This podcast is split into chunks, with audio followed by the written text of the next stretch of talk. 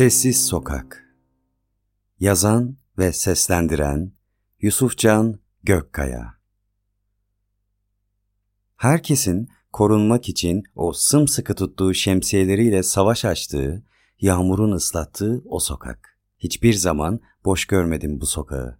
Bornova'dan tüm şehre açılan bir aktarma merkezinin hemen dibindeydi. Üniversite kampüsünün ise tam da merkezinde olmasından dolayı bu kalabalığın çoğunluğuysa öğrencilerdi. Yüksek sesli sokak diyorum ben buraya. Genelde bir telaş, bir koşuşturma hakim çünkü. Üzücü bir yanı da var. Çok kalabalık olmasına rağmen neredeyse herkesin birbirinden bir haber olduğu sokaktı burası.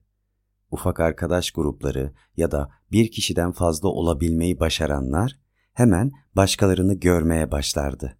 Alakasız konuşmalar gitgide fazlalaşır ses yükselir, kalabalık artar. Ve böylece benim yüksek sesli sokağım gitgide sessizleşmeye başlar. Eğer yanınızda hiç kimse yoksa kendinizden başka sizi duyanınız yoktur. Hani bir barda dünyanın sanki daha hızlı dönmeye başladığını düşündüğünüz bir anda o size anlatan şarkı çalmaya ya da çalınmaya başlar da siz bu şarkının anlamını yanınızdakine anlatmak için uğraşırsınız da ne kadar bağırsanız da bir türlü duyamaz sizi ve öylece içinizdekilerle kalırsınız ya. İşte bu sokakta tam olarak böyle bir yerdi. Yaklaşık olarak 12 yıldır hemen her gün bu sokaktan geçiyorum. Üniversiteli olma heyecanından, bir işe bağlı olmanın yarattığı mahkumiyete kadar her gün. Dedim ya bu sokak tam da her şeyin, her yerin merkezinde diye. O yüzden muhakkak ayak basardınız bu sokağa. Görece büyüdük sonra. Yıllar geçti. Araya askerlik kısa saçları, kariyer kravatları falan girdi ama bu sokak hiç kaybolmadı. Bir nevi gün sonuydu benim için. Belki de bir sokak alışkanlığı, bilmiyorum.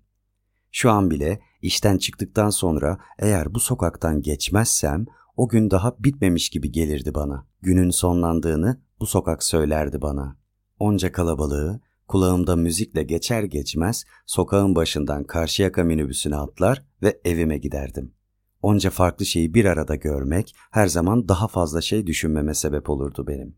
Şoföre parayı verirken zorunlu olarak kulaklığımı çıkarıp yerime oturana kadar bu dünyadan bir anlığına uzaklaşsam da oturduğum anda o dünyaya yeniden kavuşurdum. O gün işten biraz erken çıkmıştım. Çalıştığım yerin sahibi Ekrem abiyi burada Bornova'da olduğum yaklaşık 12 yıldan beri tanırdım. Abi kardeş bir arada çalışmak gibi bir şey bu. Birlikte nice zorluklar yaşamıştık elbette ama her defasında beraber kalkmıştık, tam da zorlukların bizi yıktığı o yerden. O an neşesizliğimi gören Ekrem abi neden diye sormadan hadi görüşürüz diyerek lafı fazla uzatmayıp gün sıkkınlığımdan özgürlüğüme kavuşturdu hemen beni. İzmir'in meşhur yağmuru.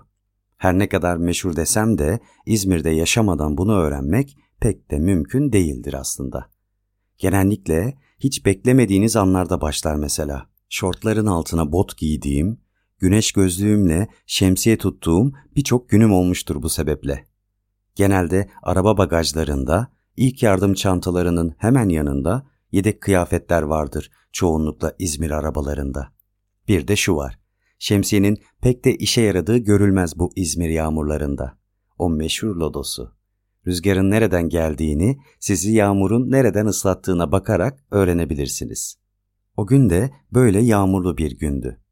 Şemsiyeye olan inancım bir İzmirli olarak az olsa da almamazlık edemedim ben yine de. Yağmurun altında o meşhur sokağıma doğru yürümeye başladım. Müziğimle kulaklarımda daha buluşmamıştım. Çünkü esnaf selamlaşması vardı daha. Çevre dükkanlara selam vermeden gitmek mühit sıcaklığına pek de uygun değildi. Hemen yanımızda İsmail vardı. Daha doğrusu İsmailler. İki arkadaş. İkisi de İsmail. Araç kiralama işi yapıyor bu İsmailler. Tabi dükkandan çıktığım gibi beni görmesi pek de şaşırılacak bir şey değil. O kaçıyor musun diye seslendi İsmaillerden yaşça daha küçük olanı. Bugünlük böyle İsmail'im dedim. Pek de keyifli bir tavır gösteremeyerek. Hayırdır Bir sıkıntı yok inşallah diye sordu. O an içimi uzun uzun anlatacak bir halde değildim. Daha doğrusu anlatacak halde bile olsam ne anlatacağımı bilmiyordum. İçimin sebebini bilmediği zamanlardandı yani. Biraz işlerim var. Malum mesai saatleri içerisinde halledebilmek için çıktım deyip vedalaşarak İsmail'leri geride bıraktım. İş yerimin bulunduğu sokaktan köşeyi dönünce meşhur dönercimiz karşılar sizi. Sadece dönerci olarak adlandırmak haksızlık olur aslında. Kahvaltı yapmadan evden çıktığımız sabahlarda çorbacımız, iş yerinde bunaldığımız anlarda çıkıp çay, kahve, soda ya da ne istersek içip nefeslendiğimiz yerimiz, yersiz acıkmalarımızda da dönercimiz verirdi. Bu küçük, tatlı dükkanda olmaktan keyif alırdım her zaman. Gerçekten küçük bir dükkandı burası. Kapıdan girdiğiniz anda sizi karşılayan sağ tarafa peşi sıra dizilmiş 4-5 tane masası vardı. Hemen üstlerinde duvara sabitlenmiş, tüm gün açık olan televizyon. Sol taraf ise o lezzetlerin yapıldığı yere ayrılmıştı. Küçük dükkan her zaman sıcaktı ve bu sıcaklığı sadece tüm gün dönerin takıldığı ocaktan almıyordu. Üç tane ustası vardı bu küçük dükkanın. Abdullah Usta sabah ilk gelendi. Çorbayı o yapar, döneri o takar ve sabah çayını o demlerdi. Akşamüstü beşi görmeden de erkenden evine dönerdi. Selahattin ve Cevdet Usta da 9-10 gibi gelirdi dükkana. İşte dükkana gerçek sıcaklığını veren bu ikisiydi aslında. Yüzleri sürekli gülen başka insan tanımadım ben. Cevdet Usta tüm bunların yanında tam bir futbol fanatiğiydi. Daha doğrusu Galatasaray aşığıydı. Onu sadece Galatasaray'a laf söyleyerek kızdırabilirsiniz. Aslında düşündüğümde ben de Cevdet Usta gibiyim. Ama benim yönüm Beşiktaş'a dönük. Hatta bazen ustadan bile fanatiyim diyorum dükkandaki tatlı futbol atışmalarımızdan sonra. Bir iki defa konuşmanın yarattığı heyecana yenik düşerek ağır sayılabilecek ithamlarda bulunmuştum. Aslında sözlerim bahsi geçen takımı olsa da onu da üzdüğümü anlamıştım. Tabii anlık konuşmaların kırıcılığını hemen kalkıp çay koyarak telafi ederim hep. Usta bir anda yükseldim valla dediğimde de olur böyle şeyler Kartal. Beşiktaşlısın, dertlisin anlarım derdi. Masum atışmasıyla buzları hep eritirdi Cevdet Usta. Evet, genelde kartal derdi bana. Hatta o kadar çok bunu kullanmış ki ben olmadığım zamanlarda da çevreden gelip beni ismimle soranlar olduğu zaman ilk başta tanımadığını söylemiş. Sonra da ha sen Kartal Yusuf arıyorsunlarla hatırlamış ismimi. Bu da mahalledeki lakabım olan Kartal'ın doğuşudur aslında. Ustalarla bu sefer çok uzun konuşmadan el selamları ve iyi akşam dilekleriyle birlikte geçtim oradan. Kulaklığımı takıp güne, can sıkıntıma, neşesizliğime geri dönebilirdim artık. Sol tarafımda eski mimarisini koruyarak ayakta kalan üniversite rektörlük binası, sağımda ise Bornova'nın en eski evleri ve onların yemyeşil, ağaçlarla dolu bahçeleri arasından yürüyordum yüksek sesli sokağa doğru. Daha doğrusu sessiz sokağa doğru. İnsanların kaçıştığı o ıslak, sessiz sokağın ortasında bir genç adam yatıyordu. Çoğu kimse o yerdeki adamı görmüyormuş gibi yanından geçip gidiyordu. Adımlarımı hızlandırıp hemen yanına doğru yürümeye başladım. Kulağında müziğiyle kalmıştı genç adam. Nefes almıyordu ben yanına vardığımda. Nabzı atmıyordu. Hemen ambulansı aradım. Ben varana kadar kimsenin aramamış olmasına üzülerek. Sağlık ekipleri gelene kadar etrafa dağılan eşyalarını toplamaya başladım. Eşyalarını toplarken en son ne dinlediği merakıma engel olamamıştım. Tüm bu kaostan kaçabilmek adına Dario'dan bir şarkıyla uğurlamış kendisini. Belki de hiç duyamadı bilmiyorum ama telefonunun ekranında gözüken oydu. O an düştüğünde kablo çıkmış olmalı ki müzikte durdurmuş kendisini. Tebessüm eder gibiydi. Sanki düşlerini görür gibi mutlu yatıyordu o yağmurun altında. Sonra defalarca ben de dinleyecektim o şarkıyı. Defalarca. Onu mutlu uğurlayan düşlerini ben de görmeyi dileyecektim. Dario'nun Someone Loves Us şarkısını gece güne kavuşuncaya dek ben de dinleyecektim.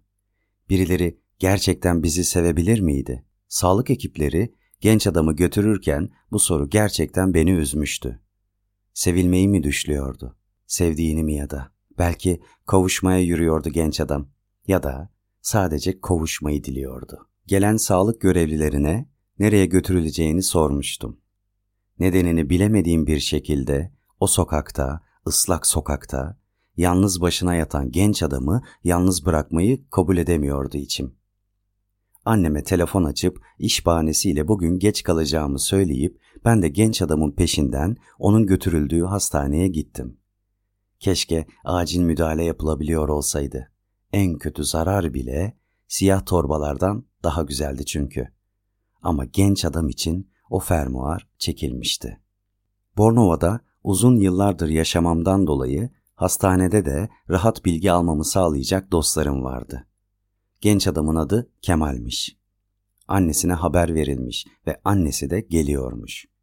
Ne büyük bir acıdır kim bilir anneler için.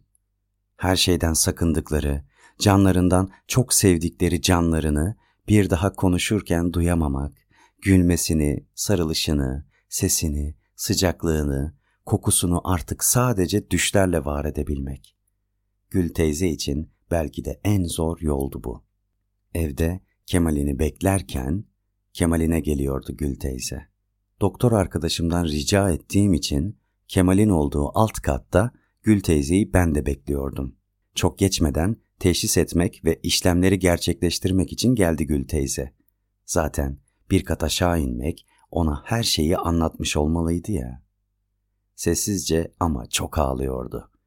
Görevliyle birlikte Kemal'in yanına gittiler. O anda ilk defa sessiz ağlayışının sesini duymuştum. Ve sonra yarın teslim almak üzere ayrılıyordu Gül teyze. Hiçbir şey görmüyor olmalıydı belki de artık. Hiçbir şey duymuyor olmalıydı. Belki bir daha asla gülmeyecekti Gül teyze. O ana kadar hiç konuşmadan, sanki olaylardan habersiz biriymişim gibi sessizce durdum öylece. Onun peşinden ben de çıktım. Hastane kapısından çıkar çıkmaz sola dönüp hemen kapının yanı başında çömelmişti. Bir sigara yaktı. İlk nefesini gökyüzüne üfleyip ardından yerde Kemal'ini görür gibi gözlerini ayırmadan öylece kaldı gözyaşlarının arasında. Yapabileceğim çok fazla bir şey yoktu. Korkarak ne diyeceğimi hiçbir şekilde bilmeden onun yanına gittim ben de yavaşça. Başın sağ olsun Gül teyzem dedim. Çok fazla kelime çıkamamıştı ağzımdan. Öylece baktı bana. Hiçbir şey söylemedi. Avuçlarını yanağıma getirdi. Kemal'ini sever gibi okşamaya başladı yanaklarımı. Sağ ol yavrum, sağ ol. Kemal'im artık yok dedi. Zor duyulan bir sesle. Bir sigara daha yaktı. Yine gökyüzüne bıraktıktan sonra ilk nefesi, arkadaşı mısın diye sordu bana. Arkadaşı olmadığımı, görevlilere haber veren kişi olduğumu söyledim. Ayrılamadım ben de Kemal'den. Sen gelene kadar ayrılamadım buradan dedim. Bir şey söylemiyordu. Konuşabilecekleri bu kadardı. Sessizce ağlarken aslında haykırmaya devam ediyordu. Acısının belki de hiç geçmeyeceğini biliyordu. Kemal'inden ayrılmak istemiyordu. Kim evladından ayrılmak ister ki? Ama şu an burada yapabileceği bir şey yoktu. Ona bir şişe su getirip onu oradan götürmeyi teklif ettim. Güçsüzdü. Evi Bostanlı'daymış. Taksiyle evin önüne vardığımızda komşuları yabancı olan aracın apartman önünde durmasıyla Gül teyzenin geldiğini anlayıp onu karşılamak için dışarı çıkmaya başladılar. O sadece Kemal'inden uzaktaydı ve artık hiç yanında olmayacaktı. Sevdiğinden uzaklaştıkça insan hep tekrar kavuşmayı diler. Ama artık bu şansı kalmamıştı. Kalabalık arasında yavaşça uzaklaşıp bir bankta apartmanı ve sakinlerini seyretmeye başladım. Ağır adımlarla herkes içeri girdi. İlk yanan ışık Gül teyzenin olmalıydı. Kimse onu yalnız bırakmamıştı.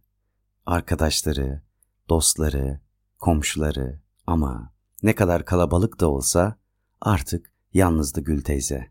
Tıpkı o yüksek sesli sokağın, hiçbir sesi duyurmayan o kalabalığın, o sessizliğin ortasında tek başına yatan Kemal'i gibi.